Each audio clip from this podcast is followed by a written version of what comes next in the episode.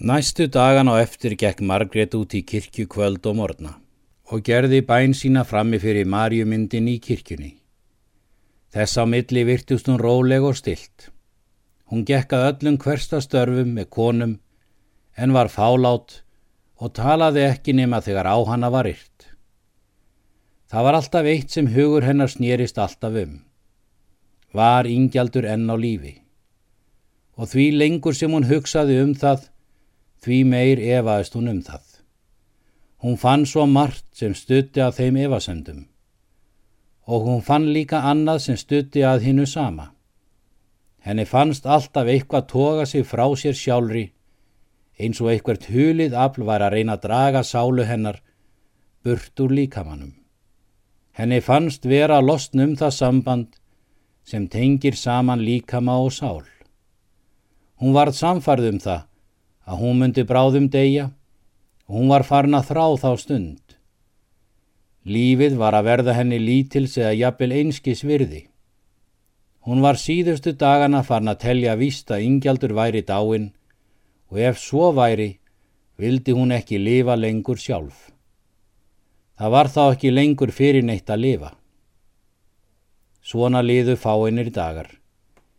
Veður var alltaf hið fegursta, hæg, frost og stillur. En svo eitt daginn um nónbilið sást maður koma ríðandi sunnan að hofstöðum. Hann hafði tvo til reyðar og fór mikinn. Hann reið þegar í hlað og steiga baki. Þetta var helgi. Einhverjir piltar voru út í stattir og gengu þegar inn og sögðu germundi til hver komin væri.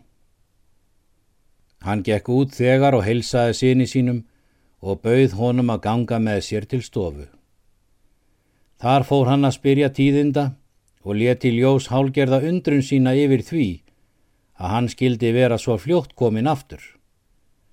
Hann hefði þó ekki gert ráð fyrir því þegar hann kom um sumarið að hann myndi koma svona fljótt.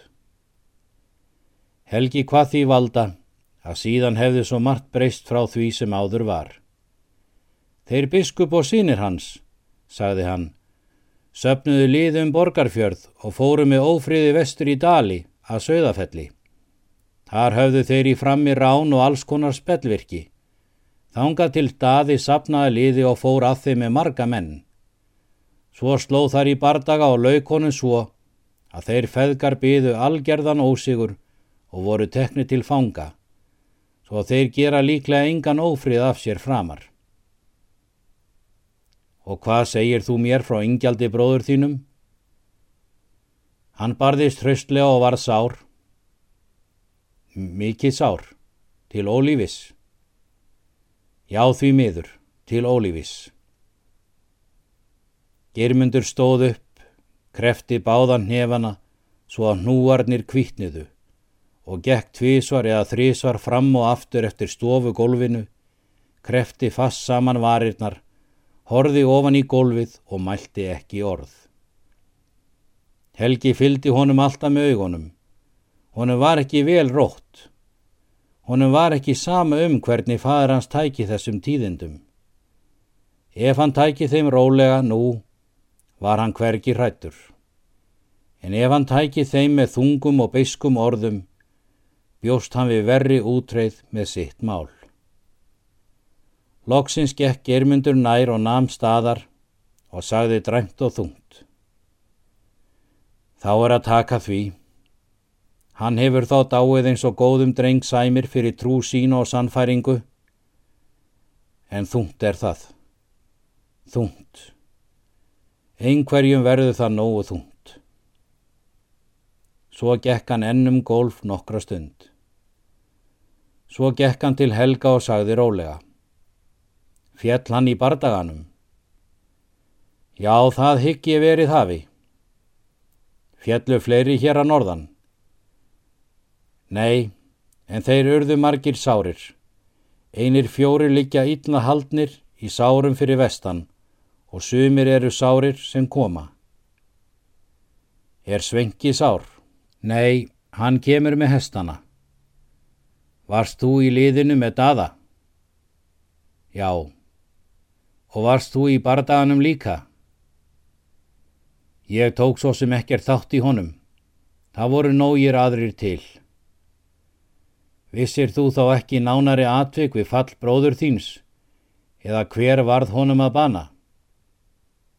Helgi varð hálf kvumsa við en svaraði þó strax. Það er ómólegt að vita. Það var barist með bissum og biskup og menn hans nokkrir og þar á meðal ingjaldur heldu sér í kirkjunni og skotrín var svo mikil að það sást ekkert fyrir púður svælu. Rétt í þessu kom óður Helga fram í stofuna til þess að fagna sinni sínum. Hann heilsaði henni með kossi og vinsend. Germundur var dapur og þagði. Hún sá þegar að það voru engin góð tíðindi sem svifu þar í loftinu. Hún leita á þá feðga báð og mælti. Hvaða tíðindi færi þú okkur nú, helgi minn? Hann ber þau tíðindi, saði Germundur, sem flestu muni þykja ill að biskup og sinir hans hafi verið fangar í bardaganum og söðafelli og að ingjaldur hafi falli í bardaganum. Það var eins og hún áttaði sig ekki á þessu fyrst og starði forvið á þá feðga.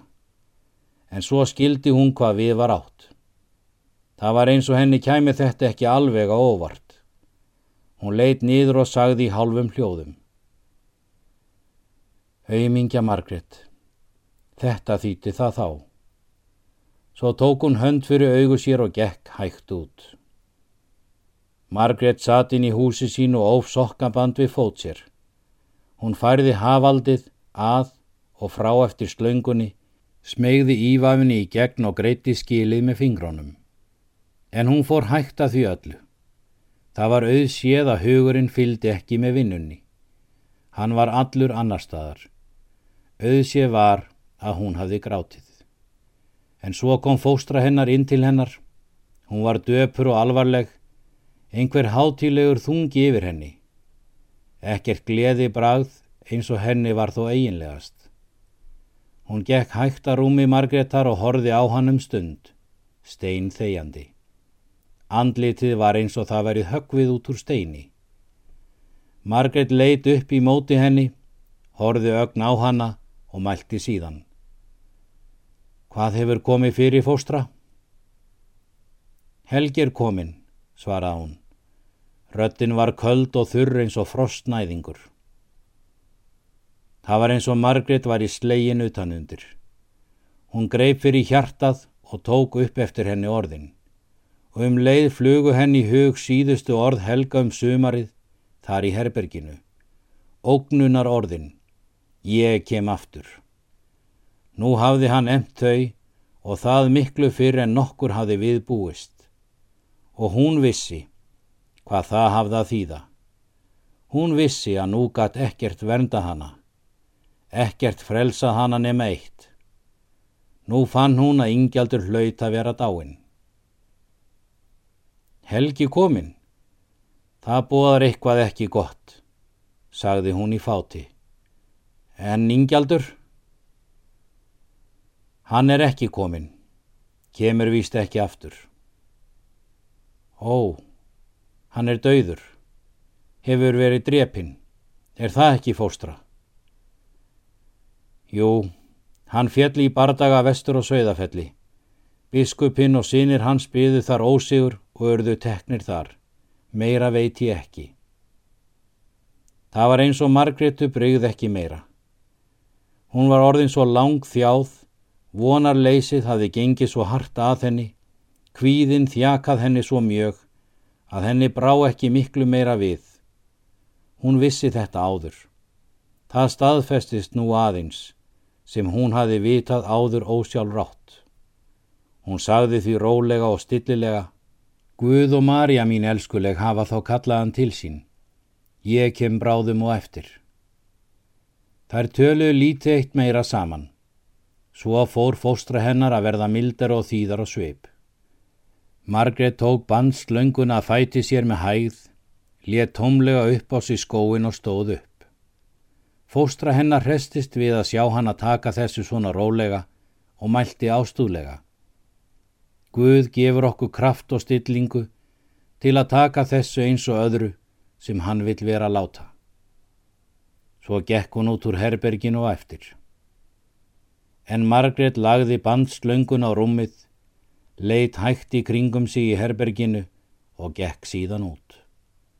Svo gekk hún til kirkju, fjall fram fyrir marjumyndinni og fór að byggjast fyrir.